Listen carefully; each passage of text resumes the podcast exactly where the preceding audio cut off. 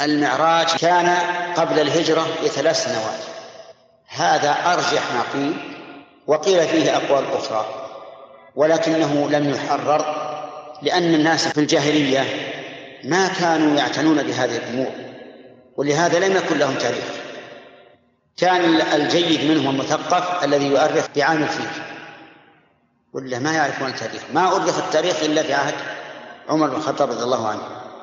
إذن هو على الأرجح قبل الهجرة بثلاث سنوات الثاني من أين كان؟ كان من المسجد الحرام من الحجر حجر الكعبة وقد ورد في بعض ألفاظ الحديث أنه كان من بيت أم هانة والجمع بينهما أن يقال كان نائما عند أم هانئ فأتاه آت فأيقظه فقام إلى المسجد الحرام واضطجع عند الحجر فعرج به من هناك من المسجد الحرام.